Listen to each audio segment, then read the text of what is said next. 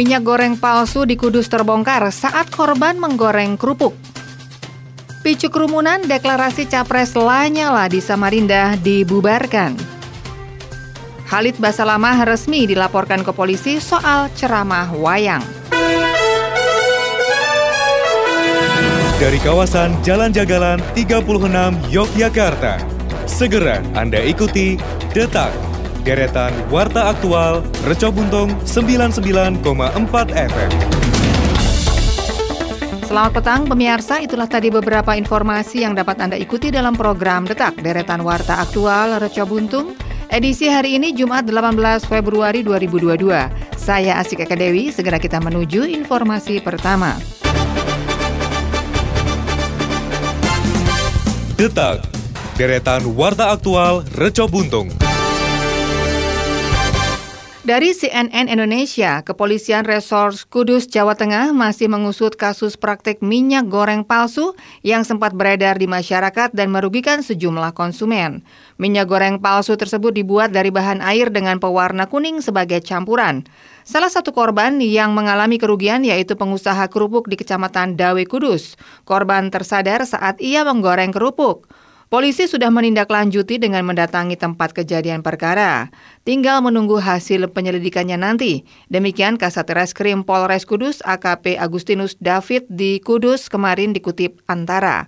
Agustinus mengakui kasus tersebut tergolong baru karena sebelumnya belum ada kasus penipuan terkait minyak goreng palsu. Selain melakukan penyelidikan, kepolisian juga melakukan uji coba laboratorium minyak goreng yang diduga palsu tersebut. Siti Mutauharoh, warga desa Cendono, kecamatan Dawe yang menjadi korban penipuan penjualan minyak goreng palsu, mengungkapkan kasus penipuan itu terjadi pada Sabtu 12 Februari. Dia mengaku sudah lima kali memesan minyak goreng sehingga percaya saja ketika ditawari kembali. Tetapi pemesanan yang kelima ternyata bukan minyak goreng yang diperoleh, melainkan air. Korban sendiri baru sadar tertipu ketika hendak menggoreng kerupuk pada hari Minggu 13 Februari kemarin. Minyak goreng palsu tersebut lebih mirip seperti air, sedangkan warna kuning dicampur diduga dengan pewarna.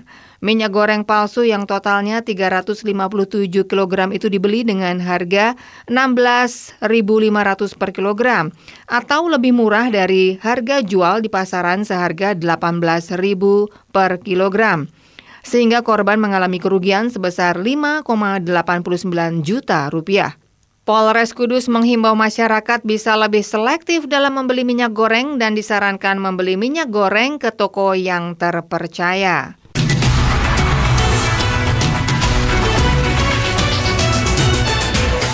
Pemirsa Satgas Penanganan COVID-19 membubarkan acara deklarasi dukungan terhadap Ketua DPD RI Lanyala Mataliti sebagai Capres 2024 di Gedung Serbaguna Kompleks Gor Sampaja, Samarinda, Kalimantan Timur, Kamis 17 Februari siang hari. Acara tersebut dinilai memicu kerumunan sehingga perlu dihentikan. Mulanya Kepala Dispora Kaltim Agustianur sempat mendatangi lokasi acara dan menanyakan kepada panitia penyelenggaraan terkait perizinan kegiatan tersebut. Sempat terjadi pertemuan kedua belah pihak hingga akhirnya acara tersebut tidak diizinkan. Agus selaku penanggung jawab fasilitas di Stadion Sempaja mengaku kecolongan karena kegiatan tersebut dinilainya merupakan kampanye politik. Terlebih acara tersebut memicu keramaian di tengah lonjakan COVID. Dalam surat pengajuan oleh Panitia Kepala Unit Pelaksana Teknis Dinas atau UPTD Stadion, tercantum acara adalah Teleskop Pemimpin 2024. Namun fakta di lapangan banyak tersebar baliho dukungan figur menuju pemilu 2024. Selain alasan pandemi COVID, pihaknya juga mengaku was-was teguran KPU dan Bawaslu terkait kegiatan kampanye di luar jadwal.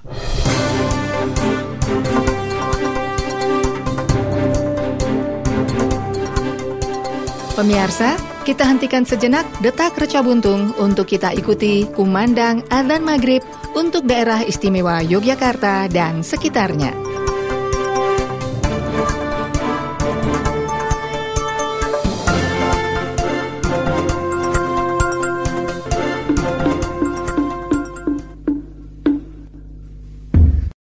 Allahu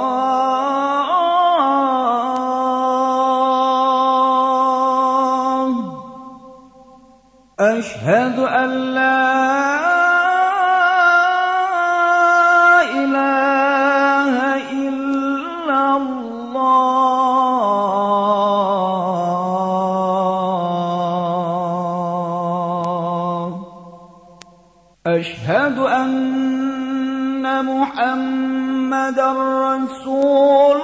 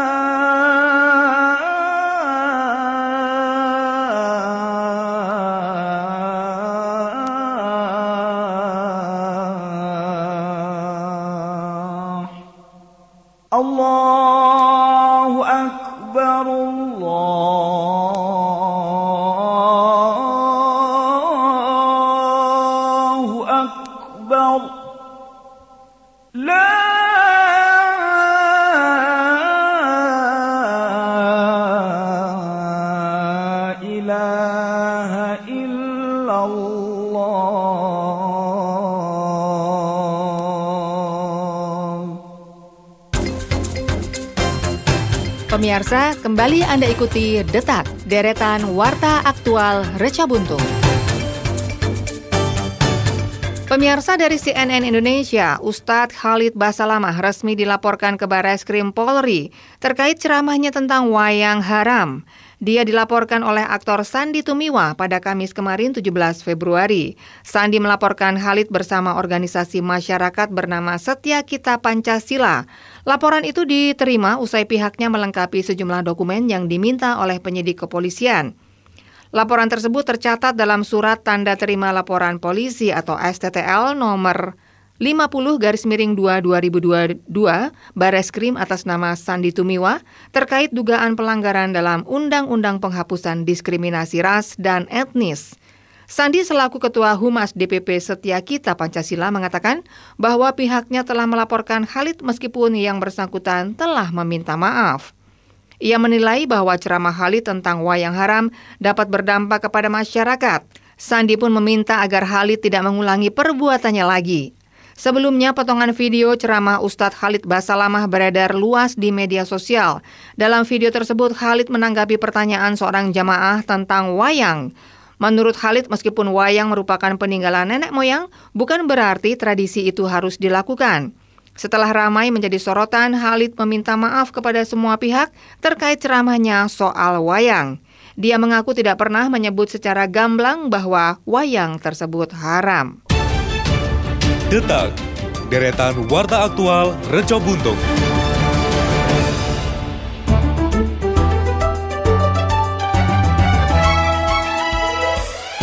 Baik pemirsa, masih Anda ikuti Detak, deretan Warta Aktual Raja Buntung bersama saya Asik Eka Dewi.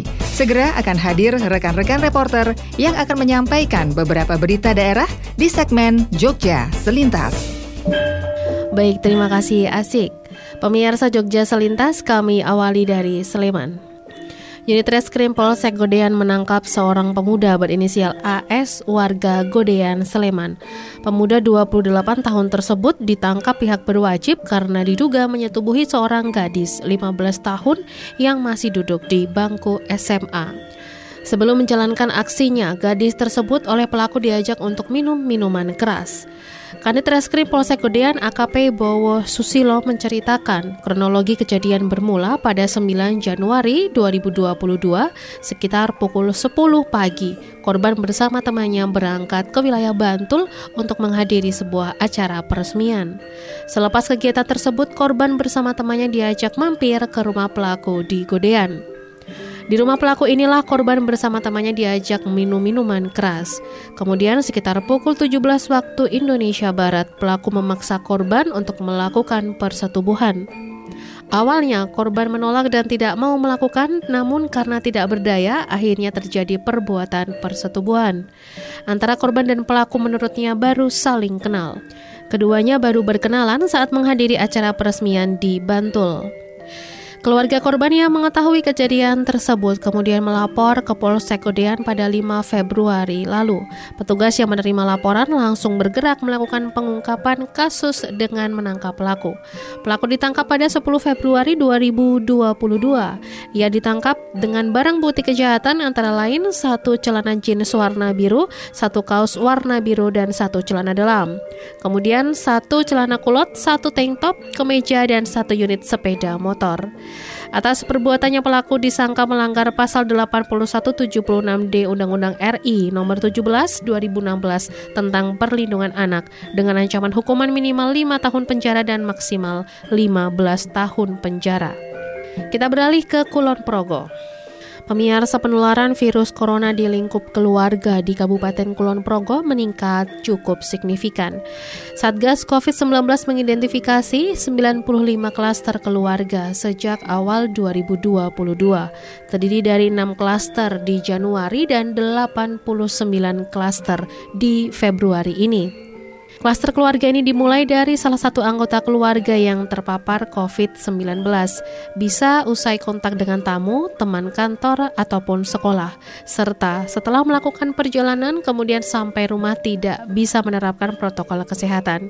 Demikian dijelaskan oleh Banding Rahayu Jati, juru bicara penanganan COVID-19 Kabupaten Kulon Progo, Kamis kemarin. Dijelaskan identifikasi kasus Februari 2022 mayoritas didapatkan dari kontak erat sebanyak 47 persen.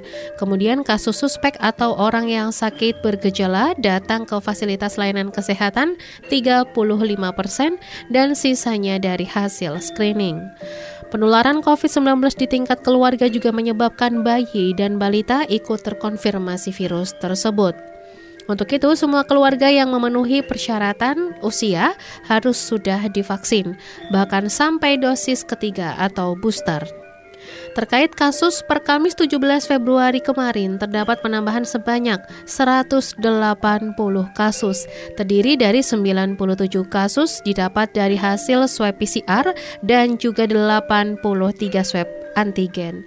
Dengan adanya penambahan tersebut, total kasus terkonfirmasi COVID sejak 2022 ini sebanyak 1068 kasus.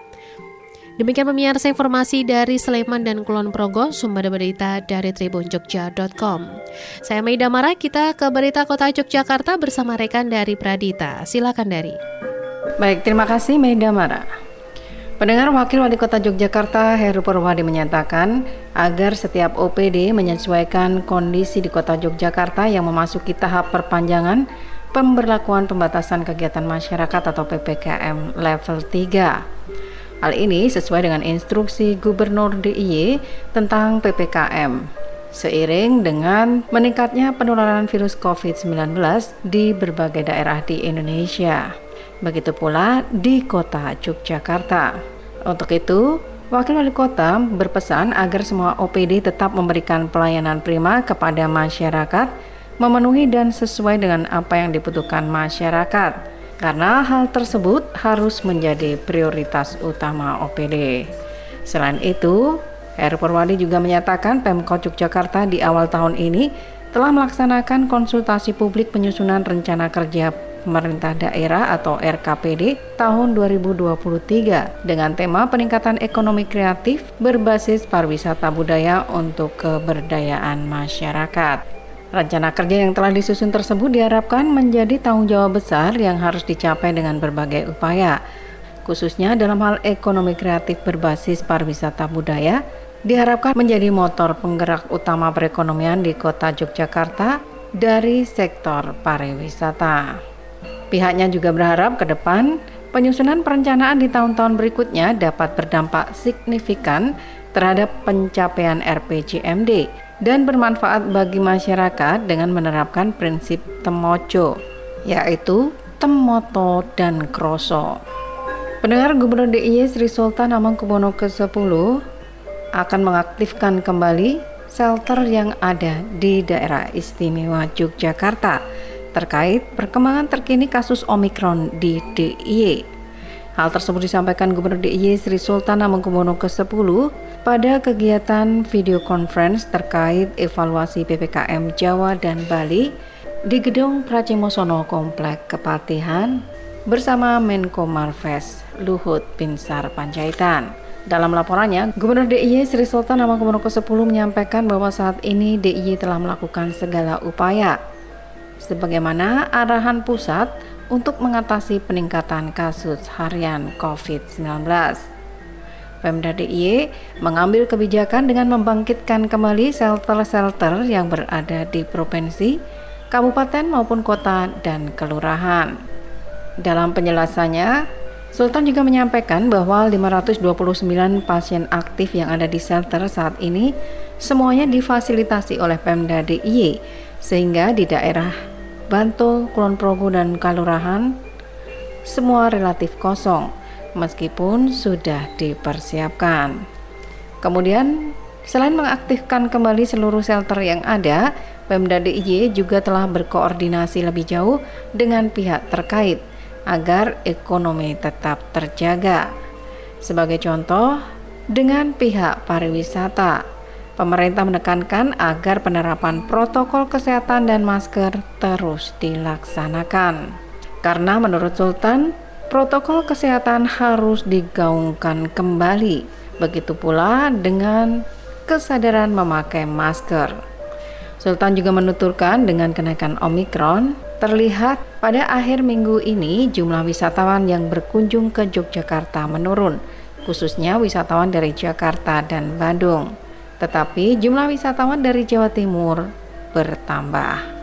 Selanjutnya, Gubernur berharap dalam waktu dekat kasus aktif bisa menurun. Di sisi lain, Menko Marves Luhut Binsar Panjaitan menyampaikan agar gubernur, wali kota, dan bupati bersama TNI dan Polri menyesuaikan kebijakan pengetatan aktivitas. Penegakan protokol kesehatan juga lebih diutamakan dibandingkan pembubaran suatu kegiatan. Hal ini agar rem terhadap ekonomi tidak perlu diinjak terlalu dalam. Demikian informasi dari kota Yogyakarta, saya dari Pradita. Segera kita menuju ke rekan Meida Mara.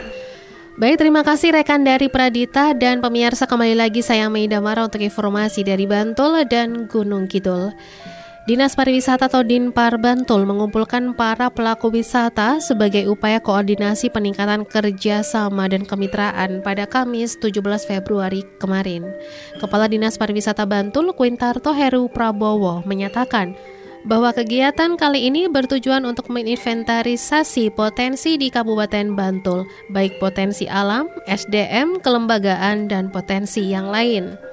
Ia berharap dengan keadaan ini muncul rumusan kebijakan yang bisa membuat penguatan pariwisata di Kabupaten Bantul. Terlebih, ia juga melihat bahwa wisatawan yang terdapat di Bantul ini rata-rata tidak menginap di Bantul. Mayoritas menginap di kota, pagi datang ke Bantul dan siang sudah pergi dari Bantul. Hal itu bisa tercapai jika semua pihak dapat mengenal potensi terutama yang ada di wisata berbasis komunitas atau Community Based Tourism atau CBT yang mencontohkan di Parangtritis. Wisatawan hanya tahu wisata pantainya saja, namun di sana juga terdapat gumuk pasir dan sandboarding, wisata ziarah, goa Jepang serta puncak Suro Colo yang juga tak kalah indah. Dengan bertumbuhnya homestay, maka masyarakat sekitar dapat menerima manfaat secara langsung. Tidak hanya untuk sewa kamar saja, masyarakat juga bisa menjual permakanan termasuk kerajinan di sekitar lokasi homestay. Sementara itu pemirsa Sutrisno selaku pengelola desa wisata Jamu Kiringan menyatakan bahwa pihaknya terus berupaya menggali potensi yang ada di wilayahnya. Ia memperjuangkan jamu dapat tercatat di UNESCO sebagai warisan budaya dunia. Selama ini jika ada wisatawan yang datang ke Kiringan akan mendapatkan welcome drink jamu. Ia mengusahakan agar wisatawan dapat meminum jamu dari batok kelapa. Ia juga menjelaskan bahwa Kiringan yang berada di Kalurahan Canden, Kapanewon Jatis, Bantul memiliki 130 jenis tanaman obat. Dari sana, wisatawan dapat belajar mengenai tanaman obat sekaligus adanya praktik membuat jamu sesuai resep yang diminta. Kita beralih ke Gunung Kidul. Pemirsa sebanyak tiga anak di bawah umur menjadi pelaku aksi pencurian sepeda motor yang dilakukan di kawasan pantai selatan Gunung Kidul. Aparat Polres Gunung Kidul pun turun tangan menangani kasus ini. Wakapolres Gunung Kidul Kompol Widya Mustika Ningrum menyampaikan aksi pencurian dilakukan pada Senin 7 Februari dini hari silam. Kejadiannya terdapat di Pantai Drini, di mana korban sebagai pemilik motor merupakan seorang nelayan. Pada Minggu 6 Februari malam hari sekitar pukul 22 waktu Indonesia Barat, korban yang bernama Riswanto, 32 tahun, datang ke pantai Drini bermaksud mencari ikan. Ia datang dengan sepeda motor yang diparkirkan di sekitar pantai. Namun begitu kembali sekitar pukul 3 dini hari, motor miliknya pun sudah lenyap. Pagi harinya Riswanto langsung melaporkan kejadian tersebut di Polsek Tanjung Sari. Menurut Widya, proses pengungkapan pelaku berlangsung cukup cepat. Selang dua hari setelah laporan diterima, pelaku yang terdiri dari tiga orang diamankan aparat. Semuanya masih di bawah umur, masing-masing berinisial GN 17 tahun, DN 14 tahun, dan EG 13 tahun. Barang bukti yang diamankan berupa rangka badan hingga mesin motor yang dicuri. Rupanya para pelaku membongkar rangka motor tersebut menjadi beberapa bagian. Kapolsek Tanjung Sari AKP Wawan Anggoro menyampaikan bahwa ketiga anak tersebut mencuri motor untuk dijual. Adapun rangka bodi motor dijual ke penjual barang bekas. Para pelaku dijerat dengan pasal 363 KUHP tentang tindak pidana pencurian. Adapun ancaman hukumannya maksimal 7 tahun penjara. Namun lantaran ketiganya masih di bawah umur, Wawan mengatakan mereka kini dikembalikan ke orang tuanya masing-masing dengan pengawasan penuh. Mekanisme tersebut sesuai dengan Undang-Undang Nomor 11 Garis Miring 2011 tentang Sistem Peradilan Pidana Anak. Demikian pemirsa informasi dari Bantul dan Gunung Kidul, sumber berita dari Tribun Jogja.com. Saya Amida Mara dan kita kembali ke rekan Asik Eka Dewi untuk membawakan informasi terakhir. Terima kasih untuk rekan-rekan reporter yang sudah mengabarkan informasi di segmen Jogja Selintas. Dan pemirsa, sekarang kita sampai ke informasi yang terakhir. Detak, deretan warta aktual Reco Buntung. Dari Tribun Jogja.com, fasad bangunan di kawasan Malioboro akan dikembalikan seperti era kolonial. Penataan itu mulai dari ukuran papan nama toko di kawasan Malioboro yang ditentukan tidak boleh melebihi satu kali satu setengah meter. Selain itu, pemilik toko diminta mengecat tembok bangunannya dengan warna putih, sebagaimana warna tembok cagar budaya yang ada di kota Yogyakarta. Koordinator Lapangan Perkumpulan Pengusaha Malioboro Ahmad Yani PPMAY, KRT Karyanto Purbohusodo mengatakan pihaknya telah menghimbau para anggota PPMAY agar segera mengecat tembok dan pilar tokonya masing-masing dengan warna putih. Karyanto menjelaskan seusai penataan PKL dilakukan banyak teras dan tegel pertokoan yang mengalami kerusakan. Kemudian dia juga menyesalkan kabel serta lampu liar terlihat semerawut. Pihaknya sudah berkomitmen untuk menata fasad bangunan pertokoan di Malioboro. Secara pribadi, Karyanto mengharapkan kondisi lorong di Malioboro tidak kumuh. Oleh karenanya, pihaknya sangat mendukung upaya pemerintah untuk mempercantik lorong pertokoan. Pemirsa, ayo kita kompak dan serius mencegah penyebaran virus corona dan lindungi anggota keluarga dengan anteng di rumah saja. Jika terpaksa keluar rumah, segera mandi dan ganti baju setelah dari luar rumah. Stop menggantung baju setelah dipakai di luar rumah Ganti baju segera sesampainya di rumah. Jangan bersandar atau menyentuh apa pun sepulang dari bepergian. Hindari kontak dengan anak-anak atau anggota keluarga lainnya sebelum mandi dan ganti baju.